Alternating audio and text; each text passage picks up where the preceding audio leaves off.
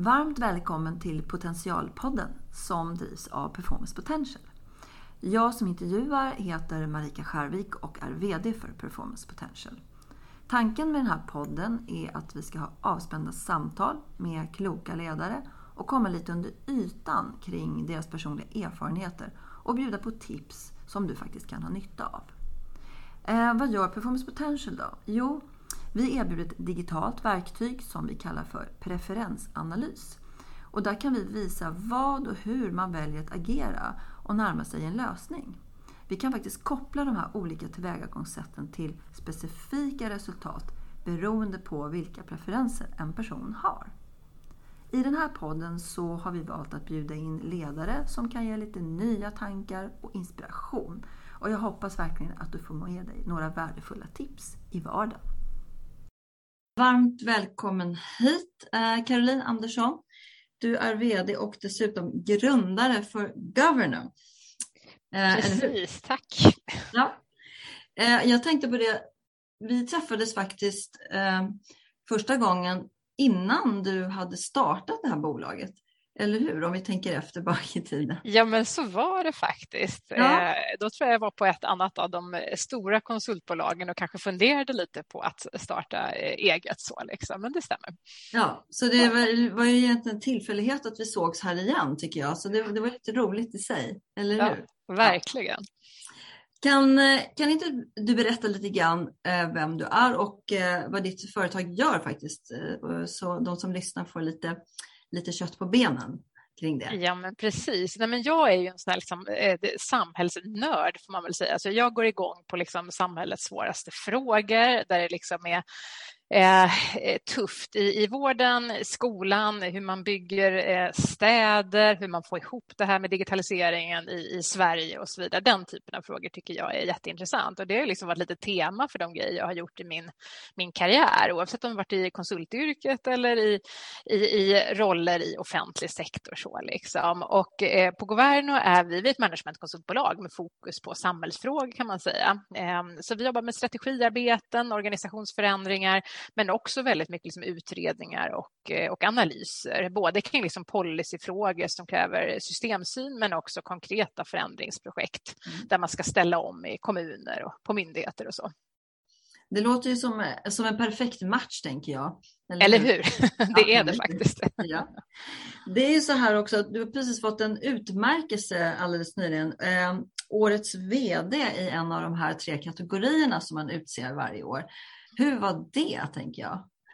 Nej, men det där var ju jätteroligt faktiskt. Så, eh, det var en, en, en, jag blev nominerad och sen var det en ganska lång process med liksom referenstagningar och man fick eh, syna sitt eget ledarskap och svara på kluriga frågor och så vidare. Och sen så liksom tillkännagavs vinnarna här på en, en galamiddag på eh, Fotografiska museet och då gick jag och vann utan förvarning eller någonting, vilket var ju fantastiskt roligt och ja, jätte, jättekul kvitto för hela mitt gäng. Så vi är väldigt teamorienterat bolag bolag. Så det är också lite konstigt att liksom bli, bli utskild. Liksom. Så nu är det så årets vd, liksom. det är snarare liksom årets bolag, Governo, tänker jag, liksom så för, ja, för mitt ja. team. Men de, de, har verkligen firat mig så jag känner mig, mig ordentligt liksom, ja, omhändertagen ja. av firman. Så. Fantastiskt bra och vi ska ju prata ledarskap idag så att, och, och vd-skapet och ledarskapet hör ihop i mångt och mycket så det blir ju liksom perfekt tänker jag. Ja. Eh, eller hur? Ja, stort grattis igen, verkligen tack. jätteroligt. Tack, tack. Mm. Eh, ja, vad, vad, betyder ledarskap för dig då? Har du, har du några, några så att säga, ord eller, eller beskrivning för det? Om man, om man ska försöka förstå det från din sida. Nej, men jag, jag tänker liksom att ledarskapet mycket handlar om att liksom, eh, dela någonting som är viktigt. Det liksom måste börja där, att man ser, man ser att det finns ett högre syfte med en sak. Och, och eh, för att kunna göra det, och för mig var det väldigt mycket så med, med starten av Govern, att samla personer som liksom drivs av samma liksom, samhällspassion som, eh, som jag gör, som, som på något sätt i det lilla och det stora ibland liksom förändra, förändra världen. Och så. och så kan vi göra det i alla möjliga eh, små analyser eller stora uppdrag och så vidare och, och det ledarskap som liksom krävs eh, i det, det är ju liksom på något sätt både att kunna peka ut en, en riktning och en vision som gör att andra går igång, eh, men också finnas där både och liksom eh, pusha på och liksom möjliggöra, men också när, när saker inte går så bra eller någon behöver hjälp, att finnas där lite mer liksom situationsbaserat. Mm, mm, mm. Ungefär så. Mycket tillgänglighet ligger i mitt ledarskap också, att vara tillgänglig som ledare, att, att säkra det helt enkelt. Mm. Mm. Det kan ju vara svårt också att vara tillgänglig alla gånger. Liksom, upplever, du, upplever du det som en, en tyngd eller som en, en liksom, vad ska jag säga, någon, som någonting positivt? För det har ju två sidor det där. Absolut. Nej, men jag, det är verkligen svårt eh, och, och jag tror också det är svårt eh, just i, i mitt bolag också för att där handlar det väldigt mycket om att vi, vi brinner ju för kunden och alla vi som har ledningsroller, vi jobbar också i kunduppdrag så jag lägger 50 procent av min tid i kundprojekt mm, mm. Eh, och så har det nog alltid varit. Det var ännu mer till att börja med när vi startade. Men, men det är ju det som gör också att man liksom fortsätter vara relevant för affären och för kollegorna, att man liksom finns där ute ut och jobbar lite med de frågorna också. Så. Ja, eh, och då handlar det om att liksom hitta ett sätt att både, både göra det men sen också finnas till som i, i en vd-roll. Sen har vi delat i Governo på ett sätt. Jag har väldigt mycket en vd-roll liksom utåt, externt, kopplat till varumärke mm. och de mm. delarna och vara den visionära ledaren. Och sen har jag en annan person som jobbar liksom inåt i Governo med våra mest centrala processer kring eh, beläggning och kring rekrytering ah, och den typen av frågor. Så vi delar upp faktiskt så för att kunna klara av den tillgängligheten men också känna att den här egna passionen för samhället fortfarande får leva. Liksom. Ja, det är lite grann som ni, ni äter kakan och behåller den då. Det, ja, eller hur? Det, ja, men det, är ju positivt när man kan göra det, tänker jag. Det, ja. det, det är väl kanske på sätt och vis en strävan, men det är ofta svårt. Men det låter som ni har hittat en bra, en bra metod för det, tänker jag. Det kan ju vara intressant kanske för andra att, att fundera lite grann på hur man gör den där fördelningen, helt enkelt. Ja. Ja. ja. men det blir också lite att man, det är väl inte lika personkritiskt på något sätt också. Man Nej. kan ersätta varandra och liksom, om någon skulle bli sjukskriven eller det händer någonting liksom, så finns det alltid någon som liksom kan, kan ta hela rollen om det skulle behövas. Så det, mm. det finns mm. många fördelar med det faktiskt. När, eh, när en dag är slut, då, jag brukar säga att den är sällan slut riktigt för, för den typen av eh, uppdrag som du har eller många, många i den rollen har. Men om du ska, om du ska vara riktigt nöjd med dig själv efter en dag, vad, vad, vad har hänt då? Är det något speciellt som du skulle kunna ticka av i någon lista eller någon känsla som du känner att det här har varit en riktigt bra dag, nu känner jag mig nöjd?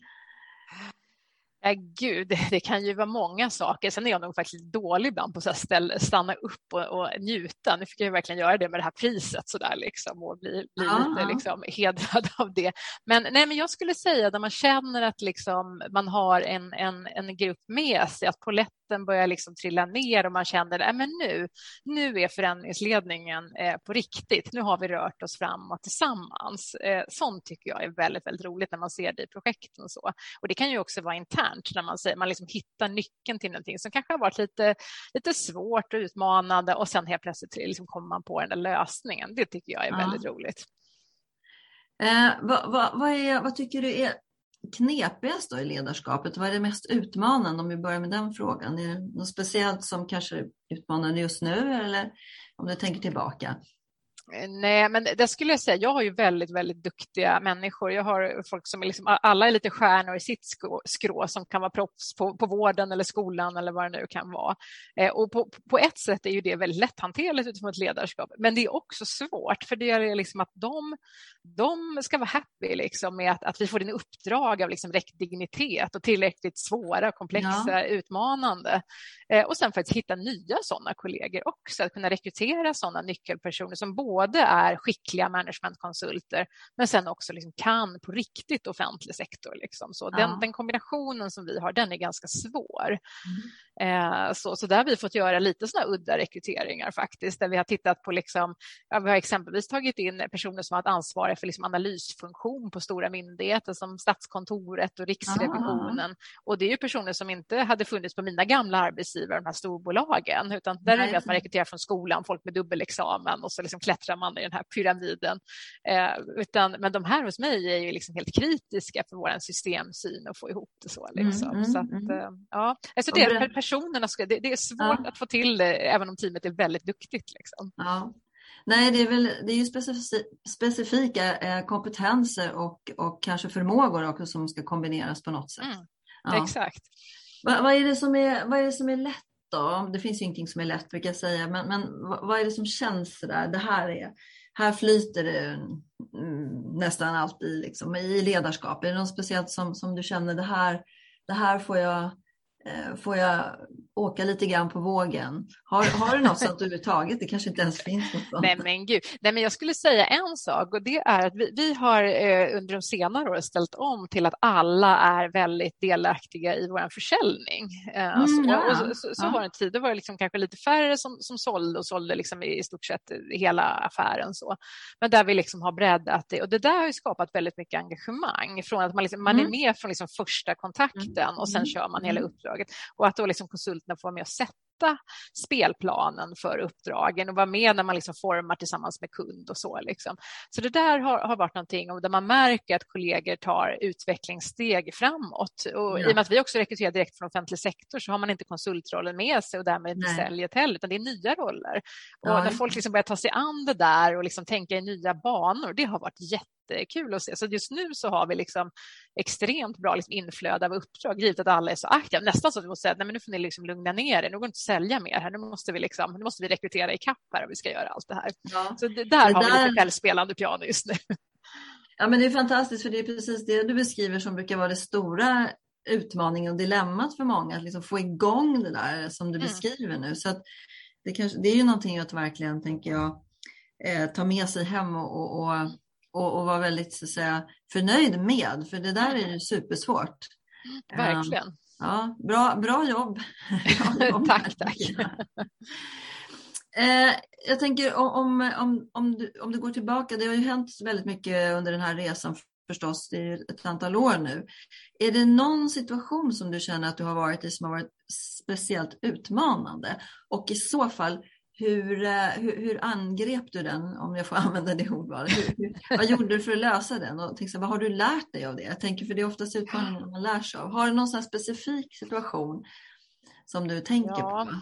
Det har jag eh, säkert flera så, men eh, Nej, men en som jag tänker på specifikt, det var när vi stod i det här läget. Vi var liksom sex, sju stycken och vi liksom började växa. Vi skulle liksom bli 10-15.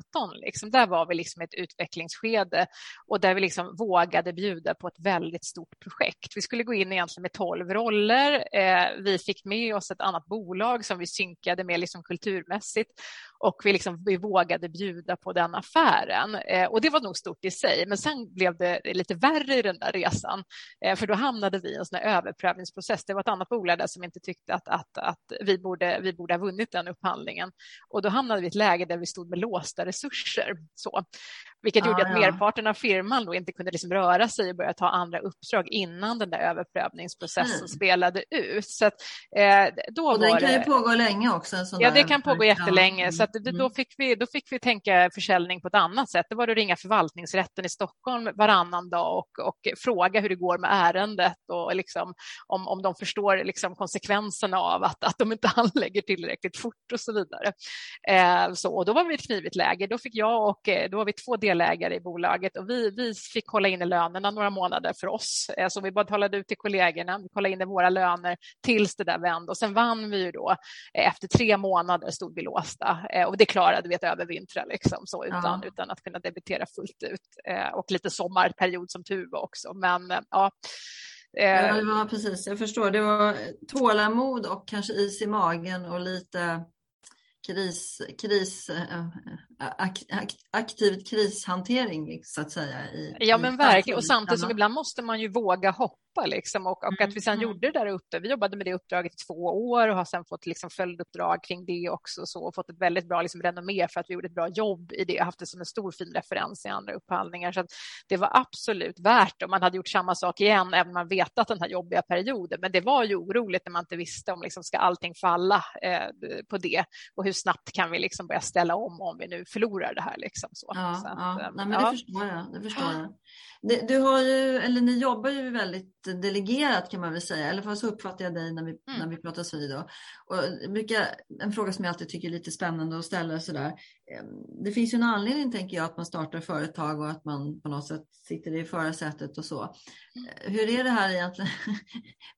Gillar du att bestämma? Är det en sån här faktor som är viktig? Eller har mandat kan man säga om man försöker snygga till frågan lite grann. Vad, vad tänker du om det? Är det viktigt för dig? Att, att ändå... Ja, men, nej, men jag skulle ja. säga att kunna påverka är viktigt eh, för mig. Mm. Liksom. Mm. Eh, och men, men det är nog snarare att kunna få liksom påverka i samhällsfrågor, att kunna liksom bidra och göra det bättre. Jag, känner liksom, jag, jag blir så privat så frustrerad när jag märker att liksom, eh, processer inte hänger ihop, när liksom äldre kroniskt sjuka liksom bara slussas mellan vård och omsorgen och liksom det blir aldrig bra och anhöriga måste projektleda jobbiga situationer och så där. Det, det, skapar liksom väldigt mycket frustration i mig och det jag känner liksom att det vill, eh, det, det vill jag liksom åtgärda. Då är jag en sån, då är jag nog lite röd person situation, då vill jag liksom gå in här och säga att nej men så där kan vi inte ha nu, nu får vi hjälp och så hoppas jag att, att det finns någon kund som tycker att det där vore spännande att göra tillsammans med, ja. med, med mig och Govern och så. Eh, sen tror jag inte jag har så mycket behov av att, att liksom bestämma på jobbet utan jag snarare sett liksom, eh, vad det ger när man släpper och vilken, liksom, vad, vad, det, vad det sätter igång i människor när de får väldigt mycket frihet. Det måste finnas riktning och ramar, men har man det, eh, mm, då mm. kan folk liksom verkligen åstadkomma storverk, liksom, så om de får köra på. Liksom. Ja. Eh, och, och, sen är det så liksom att då, dåliga grejer tycker jag ändå inte flyger, så att de, de faller ofta ganska snabbt och liksom, det är ofta ingen fara med det. Men det gäller att vara lite liksom, cool där liksom, och känna att ja. men då, testa det där, blir det inget bra då, då gör vi något annat. Liksom. Det finns ett självrensningssystem på något sätt. Ja, men faktiskt ja, så. Liksom. Ja, och för oss är det ju ändå det. Vi ska jobba med de här offentlig sektorfrågorna, men vi måste också hela tiden vara lönsamma. Liksom, så så att, är det någonting där vi inte ser affär, ja, men då kan vi efter lite, lite försök inte jobba där. Det, det blir naturligt. Så. Nej det kräver ju också att motparten eller medparten också är i samma eh, uppskattande eh, läge om jag säger så, att förstår, förstår eh, egentligen vilken nytta det här gör, eller hur? Det är ju också Absolut. ett samspel på något sätt i, i det här. Det, det, att vara ledare är ju, är ju, ger ju väldigt mycket energi förstås, eh, men ibland så tar det lite energi också kanske. Det vore, vore märkligt annars, tänker jag. Men vad, vad, gör, vad, gör, vad gör du själv, tänker jag, för att eh, ta hand om, om, din egen energi eller hushålla med den? Eller vad ska jag säga, se till att du håller då, om vi ska prata hållbarhet för, för, för led, led, ledningen i sig själv på sikt. Så Har du några mm. knep? Nej, men jag, tror, jag tror att när jag var liksom ung i karriären, då var jag som jobbade liksom extremt eh, mycket och liksom allt var spännande och, och roligt. Och, och, några liksom år in i arbetslivet, då kände jag att nej, men det här, om jag ska hålla länge, då kan jag inte hålla på så här. Att man, liksom, man, man jobbar ju för att det var kul. Det var liksom mm. också var roligt att göra de här grejerna. Så. Men jag, jag har så att jag, liksom, jag checkar ut helt på eh, helgen. Skulle jag jobba helg, då är det verkligen det ska vara så kris i princip. Mm, så. Mm. Eh, och försöker liksom få jobbet gjort under veckorna. Eh, jag försöker också sova bra, det är jätteviktigt. Så att liksom, eh, alltid liksom ha en sista timme av dagen som innebär liksom nedvarvning. Och det kan vara vad som helst. Det kan vara att titta på någon, någon serie som inte liksom, eh, drar upp energin på något sätt utan lite mer puttrig och glad eller läsa en bra bok eller bara göra Lite perspektiv. Liksom. Ja, faktiskt. Ja. Bara växla mm. mindset.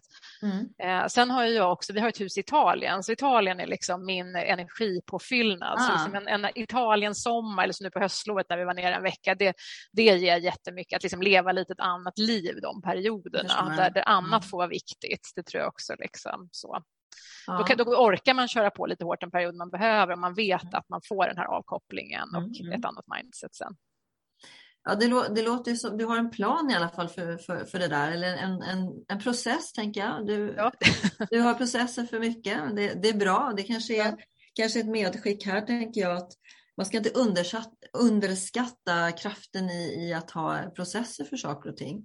Ehm, men lite just de här ja. delarna tror jag är bra ja. att ha, eller lite, lite så regler för hur man ja. gör. Eh, och, och, det gäller ju också sen att om, om man har det så att inte stressa upp några kollegor heller, hålla på att mejla om nätter eller på helgerna eller någonting annat, utan det kräver ju lite att hela firman försöker leva ungefär likadant, så att liksom helgerna är extremt mejlfria hos oss till exempel. Så, så mm. att, eh, mm. mm.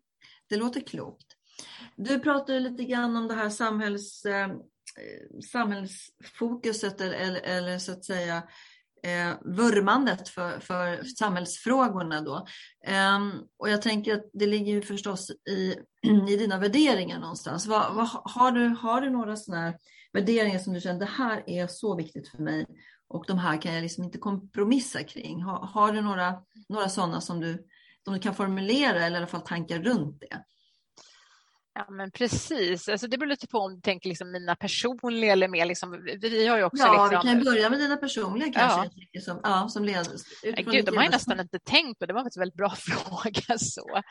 Eh, men, men då skulle jag dels ha sådana värderingar som alla har, liksom, eh, allas lika värde och liksom vikten av att liksom vara ödmjuk och försöka lyssna på folk och liksom mm. den typen av, mm. av mm. frågor. Så. Eh, och att se allas potential på något sätt. Sen har vi liksom saker vi, vi, vi försöker hitta, jag vet inte vad vi ska kalla dem för, vi kallar dem för ledstjärnor i Govern, om man ska se våra, ja. våra spelregler eller värdegrund eller så, eh, som handlar mycket, dels har vi den här samhällspassionen som vi delar och som också är del i rekryteringen som, som finns med. Men sen handlar det också om att vara, vara, vara nyfiken, eh, våga, våga utmana, liksom, men också liksom ha en ganska hög integritet i våra uppdrag. Eh, och ibland är det, det sistnämnda jätteviktigt. Vi går ibland in och gör såna granskningar. Nu håller vi på att granska Stockholms stads hantering av hela pandemin till exempel. Ett långt uppdrag som vi har gjort sedan i oktober förra året. Mm, mm. Eh, och där gäller det också att liksom när man kommer med, med, slutsatser som kanske inte alltid är det kunden vill höra, att våga stå stadigt i det och säga att mm. men det, här, det här har vi sett. Eh, så. Eh, och, och, det är ju också någonting som handlar ganska mycket om, om mod, faktiskt, att vara en modig konsult eh, och inte bara skriva ja. det kunden vill ha utan skriva det som faktiskt är, är det rätta. Det som kommer fram helt enkelt. Ja, ja faktiskt. Ja, ja. Mm. Har du, det är en annan intressant fråga bara, jag kanske inte har med ledarskapet men, men, men till viss del ändå kopplas till det. Eh, ser, ser ni att, eh, att det har varit väldigt mycket kan man säga, ledarskapsmässig förvirring, om jag får uttrycka mig så, i samband då med, med pandemin. Att det på något sätt har, har ja, på, att, att det kanske påverkar mer. Jag tänker samhällsfunktionen har ju ett annat slags ansvar kanske och är också eh, ja, påpassade på ett annat sätt. Har, har, har ni sett någon förändring där kring, kring ledarskapet där och kanske i ett eget också? Eller, eller har ni mm. haft er modell och, och jobbat som ni gör? Eh, nej men om man börjar med oss så, eh, vi ska säga att vi, vi har ett väldigt aktivt ledarskap på Govern där vi jobbar nära medarbetarna och så vidare. Men jag skulle säga att vi skruvade upp det rejält när pandemin kom. Dels bara i mm. vår ledningsgrupp. Vi, vi sågs varje dag när det här började. Liksom. Dels för ja. att sätta liksom, våra spelregler, känna av läget, vi stängde kontoret och allt det här som behövde göras. Så, eh, jag började skriva någon slags nyhetsbrev ut till medarbetarna så att alla hade liksom löpande koll och vi hittade nya former att, att umgås och där det gäller liksom att hitta former, inte bara för liksom digitala möten utan hitta liksom hur bedriver vi vår analys liksom på distans och hur ja, bevarar ja. vi vår mm. kultur på distans? Den mm. typen av frågor så att det inte bara blir en övervintring utan vi vill ju utvecklas under den här tiden också ja, och ta tillfället i akt. Vi, vi, vi ville ju ändå också försöka satsa i den här pandemin. Vi hade det lika mm. tufft som, som alla andra men vi kände att men nu är det också ett läge att kanske rekrytera in några nyckelpersoner till bolaget mm. som mm. vi kanske inte hade fått annars. Så vi har ju liksom både, både klarat oss och försökt satsa i, i allt detta. Men utifrån liksom, jag tänker HR och personalansvar. Nu har inte jag så mycket personalansvar längre, utan jag har några personer. Eh, men, men de som har mer personalansvar som mig, de hade ju också löpande incheckningar med medarbetarna på i princip veckobasis till att börja med. Nu är det väl i stort sett varannan, var tredje vecka det ligger på och så vidare. Ja, men, ja. men där det blir ännu mer liksom närvarande ledarskap på så sätt. Ja. Är det någon stor, eller liksom om du skulle ge tips då till de som som, eh, som lyssnar här, är, har du något sådär general, det finns aldrig ett general, men vi försöker oss på ett generaltips hur, hur man eh, ska navigera det där, för vi, vi kommer ju säkerligen ha eh, en sån här situation lite till och från i framtiden. Så har, är det något tips där som du vill bjuda på runt det där som du själv eh, har reflekterat kring kanske? Eh, Nej, men jag tänker lite på, vi gjorde faktiskt eh, en, i den här covid-granskningen för Stockholm stad, vi har gjort en fördjupning kring ledarskapet där vi tittat ja, just ja. på hur stadens chefer, både liksom har, hur har de klarat sitt uppdrag och försökt hitta exempel både på liksom gott och sämre ledarskap i, i detta. Mm. Det känns som de, de, de chefer som har klarat det här bra, de har ju eh, dels varit liksom väldigt kommunikativa, även om det inte har funnits saker att säga som ändå varit kommunikativa. Ja. De är väldigt tydliga och liksom ge en, en, en riktning men också försöka liksom skapa trygghet i liksom en ganska eh, rörig situation. Och just det här med det närvarande ledarskapet, något som lyfts där. Och i, I en kommun kan ju det vara ett närvarande ledarskap kan vara allt möjligt, men det kanske handlar om att man chef på ett äldreboende där personalen måste vara kvar. De kan inte jobba på distans. Nej, de, nej. Och de fick ju också hantera en vårdsituation som liksom lades till till omsorgen på något sätt. Den, ja. De personer som man kanske hade skickat in till, till akutsjukhusen, de, de blev ju kvar på äldreboende eller på, på särskilt boende. Och det mm. där eh, är ju någonting där det handlar om chefer då som liksom, då kan man inte gå hem och distansarbeta. Då behöver man Nej. ändå på något sätt vara kvar och hitta ett sätt att liksom coacha kollegorna i detta svåra och ge svar på, på de frågor man kan svara på, men också försöka lösa ut det som faktiskt inte, där man inte mm. riktigt vet. så. Mm. Mm. Och ta initiativ tänker jag också kring det förstås. I, Absolut, i, vi har fantastiska exempel på folk som har åkt runt på liksom Biltema och Clas Olsson allt vad det varit och liksom dammsugit efter, efter munskydd och förkläden och fått igång liksom ja, ja. olika aktörer som har haft liksom fabriker och tillverkat och så där. Så att det finns ju en enorm initiativförmåga, men också faktiskt rena innovationer där folk som kanske tidigare i, mm. i delar av offentlig sektor har sett att nej, men vi, vi måste ha personliga möten, men hittat helt nya sätt att förhålla sig till invånarkontakter mm. även i svåra områden kring ekonomiskt bistånd och liksom arbetsmarknadsinsatser och så. Liksom. Hur, kan vi, hur kan vi träffas på nya sätt? Mm. Och finns det också saker som vi borde robotisera där de här liksom varma händerna inte alls behövs? Så jag tror det har blivit uppvaknanden i offentlig sektor på ett väldigt intressant sätt. Mm. Och det, tror jag, det tror jag har skett generellt i, i mångt och mycket faktiskt. Mm. Och sen har man ju förstås hanterat det på lite olika sätt beroende på eh, mm. vad man bedriver för ledarskap som du är inne på. Mm. Absolut. Mm.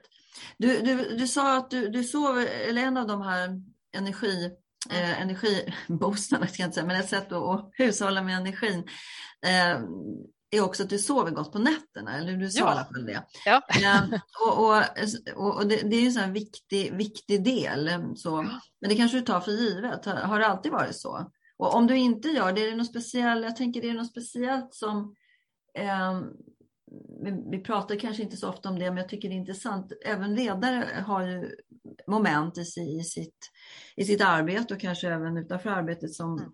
som skäl lite av eh, fokus. Så, ha, är det någonting som du känner, det här brukar oftast vara något som, som bryter den där lilla så säga, mm. energihushållsprocessen som du har? Ja. Jag, jag, jag, sover, jag sover ofta bra, men det är ja. för att man liksom, ja. Eh, jag, jag har satt upp väldigt tydligt hur det måste vara. Det här är ju inga, liksom, det här är inte jag som har hittat på det, men det är de här vanliga. Liksom. Ja. Ja. Ungefär lägga sig vid samma tid, varva ner innan, sova liksom, tyst, mörkt, liksom, hela den här biten. Liksom, så. Och det, det tror jag är super, det, det, men det är viktigt, för det här är ju bara rutingrej att sova det bra. Funkar, liksom. det funkar. Ja, men det man måste göra så. Men det som, det som kan hålla en vaken, det är ju när liksom, eh, Eh, för mig i alla fall, när grejer är lite stökiga, när liksom, ja, men om, om, och det handlar nog ofta om det liksom är personer, att det är något sånt där som ligger. Mm. Ofta kanske inte i sak, utan mer att man känner att det skaver lite någonstans eller ja. någon, liksom, någon relation på jobbet eller något kundprojekt. Man känner att ja, men det är något som ligger och gror där och liksom man får inte riktigt att man hittar inte riktigt dragläget. Sånt nej, kan jag klura, det, det, kan jag gå och klura på. Liksom. Ja, ja. Eh, eller man går en promenad, också såna här gånger när man liksom går och tänker på sådana grejer. Liksom, så. Men, ja, jag förstår. Och mm. det är väl klart eh, det, det är väldigt vanligt att det är så faktiskt. Ja. det är väl också ett bevis på att man kanske har någon form av empatisk och humanistisk Verkligen. Kan man säga, egenskap som ledare också. Ja. Eh, om du skulle få leva om din karriär, det är kanske så svårt då, alltså, men, men skulle du gjort något annorlunda då, tänker jag? Hade du velat bli författare? Folk har en massa drömmar om saker och ting. Eller känner du ja. att ah, det blev, det blev ja, men jag, det, här låter ju lite så här för mig, men jag, jag känner mig ganska nöjd. Ja, men det är väl, är jag, jag tycker jag, Ja, men ja. lite, jag, har, jag har gjort eh, mycket eh, saker och sen så kanske man liksom från början inte såg de här pusselbitarna. Jag kan säga att jag har varit väldigt sådär, att starta Govern och det var liksom verkligen medvetet beslut. Men annars har det varit liksom händelser, omständigheter, situationer som liksom har lett till att man har mm, liksom, eh, mm. jag har ju varit med i det första konsultbolaget jag jobbade i, då var vi mitt under när IT-bubblan sprack där och, och det bolaget försattes i konkurs av sitt moderbolag så man fick gå till Arbetsförmedlingen och liksom begära ut en lön lönegaranti och söka jobb bland alla andra, många som ja, sökte just då. Och så så att, eh, men, men jag tycker liksom allt det här har liksom på något sätt lärt en sak och format den till, till mm. vad man är. Det jag ibland har funderat på det var när, när jag eh, skulle välja eh, högskola universitet. Eh, då kom jag in på Handelshögskolan och jag kom in på juristlinjen och då valde jag juridiken. Så där vann liksom samhällsintresset. Ja, Sen kan man ju tycka nu som managementkonsult jobbar jag väldigt mycket med de frågor som man faktiskt lär sig på Handelshögskolan. Mm. Eh, men, men där har jag ju fått liksom lite lösa det under vägens gång. Så jag är ju liksom jurist, systemvetare och läst väldigt mycket management. Så jag har liksom mm. sytt ihop egentligen det jag behövde för, för det jag gör ja. nu, fast ja. på ett annat sätt och med lite mjukare profil kanske. Liksom. Inte ja. läst liksom redovisning och finansiering, men, men väldigt mm. mycket andra saker inom managementområdet. Mm. Nej, men jag tänker man någonstans så gör man ju det som man när man gör det inte riktigt förstår kanske varför man gör det, men i efterhand så kan man finna en röd tråd i det man har beslutat sig för att göra. Så ja. På något sätt är det kanske inte en hel happening heller, utan det finns, det finns någonting, det är bara att man inte ser det just då. Mm, efter, efter, efter klokheten är ju alltid mycket ja. mer kan man säga, exakt egentligen. Ja, därför det vet jag att folk har sagt, ja men gud kom du in på, tackade du nej till Handels liksom? Så hur kan man göra det om man kommer in? Så att, ja, men det, ja, det var något annat som lockade och som sagt, ja. det är väl det som var ett frö till samhällspassionen i Governo någonstans ja. redan då, tänker jag. Så att, ja, ja, det låter ju så. Ja, ja Caroline, alltså den här tiden går ju otroligt mycket fortare än vad man tror att den ska göra, så jag tänker vi börjar komma lite grann till till summeringen eller till slutet. Och jag tänker, är det någonting som du känner, de här, de här tre, om du ska välja, du kanske vill välja fyra, men de här tre insikterna, de, de skulle jag vilja dela med mig liksom, kring ledarskap. Det här är det jag skulle vilja skicka vidare till, till höll jag på att säga, nästa man, kvinna, generation eller vad det är. Är det, är det några saker som du skulle kunna plocka ut? Så här, ja, de här tre sakerna, det är mina som, reflektioner, stalltips eller vad jag ska kalla det för. Råd kanske till och med. Mm. Ja, men precis. Ja, nej men det ena är ju liksom att man behöver göra någonting som man liksom man tror på på riktigt. Liksom. Och det får inte mm. vara fejk. Det ska inte handla liksom om att, att, bara tjäna pengar. Det ska vara lönsamt, såklart behöver det ju vara. Men, ja. men, men, att göra någonting som betyder någonting på riktigt och som man också tycker är kul. Det är ju många som bara håller på och jobbar och gör massa grejer, men har de roligt? Och för mig så, så jag måste mm. känna att jag har roligt. Det ska vara, det ska vara kul på måndagen. Liksom, måndagsångest, ja. det kan man väl ha någon måndag någon gång, men liksom, det ska vara roligt. Jag tror att då blir det bra också. Det är väl liksom en sån del. Eh, och den andra jag tänker på spontant, det är väl liksom att omge sig med, med, väldigt duktiga människor och helst de som kan både mer och helt andra grejer än vad, vad jag själv kan, liksom det multikompetenta. Eh, då har man mm. också väldigt bra eh, förutsättningar att, att lyckas, tänker jag. Så att, ja, eh, de ja. två, om jag får stanna vid två, skulle jag nog säga att de Det var ju de tre där. Du, du börjar ju faktiskt ja. med, med att, att man, man måste, man måste liksom tro på det man gör. Eller Syft, syftet är, måste vara viktigt. Eh, och med sig med bra människor och, och och också kanske så att säga att, att du har ju varit inne på det, vara lite, våga göra andra saker kanske mm. än, än det som alltid är så bekvämt helt enkelt. Ja. Ja, ja. Men det är väl alldeles utmärkta råd. Och sen är det ju förstås eh, färdighet i att, att utforma det, detta då. Precis. Eh, men det är väl det som kanske är ledarskap, att finna, finna sätt att, att få det här in i verkligheten på något sätt helt enkelt. Ja. Eh, avslutningsvis då, ska du, nu har du firat eh, din utmärkelse förstås, men har du några, tänker du att det på något sätt är att, att det finns fördelar med det eller, eller blir det också kanske ett eh, någon slags ansvar? Vad, vad har du tänkt om den utmärkelsen? Den kan ju ha ja. olika sidor tänker jag. Ja, men precis. Vi har faktiskt skojat lite på, på jobbet. Så det blir så här, men vad, vad, vad skulle liksom den bästa vdn göra nu? Liksom? Så man kan ju nästan mm. få lite prestationsångest när man är årets vd. Att man liksom, men, men man får väl tänka att man har fått det för det man gör och så hänga i sin, sin, sin ledarskapsstil på något sätt och lita på det. så. Eh, skämt åsido.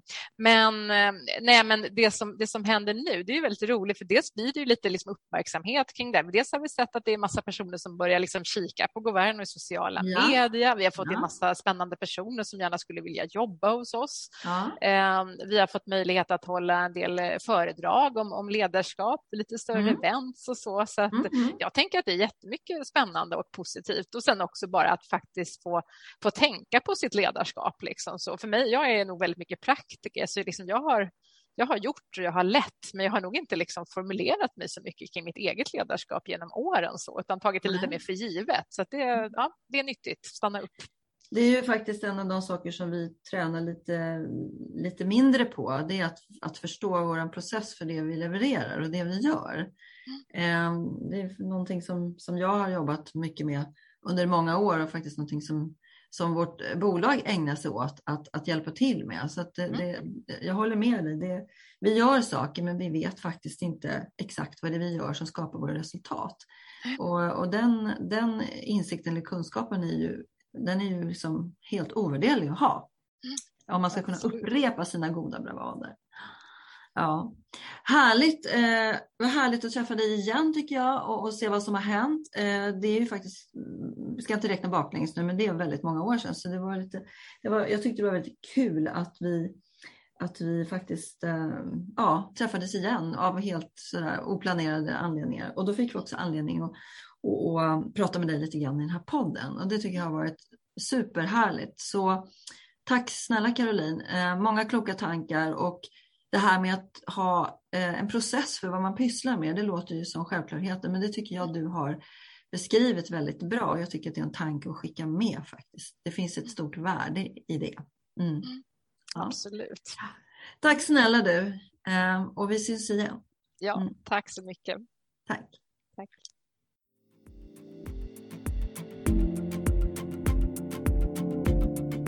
I idrottsvärlden känner varje individ till sin process för prestation och leverans ganska väl. Men i näringsliv och organisationer är det ofta en otränad och kanske omedveten kunskap. Performance Potentials digitala verktyg, som vi kallar för preferensanalys, används just för att ta fram teams och organisationers sätt att leverera. Och sen matchar vi det med kundernas krav på agerande.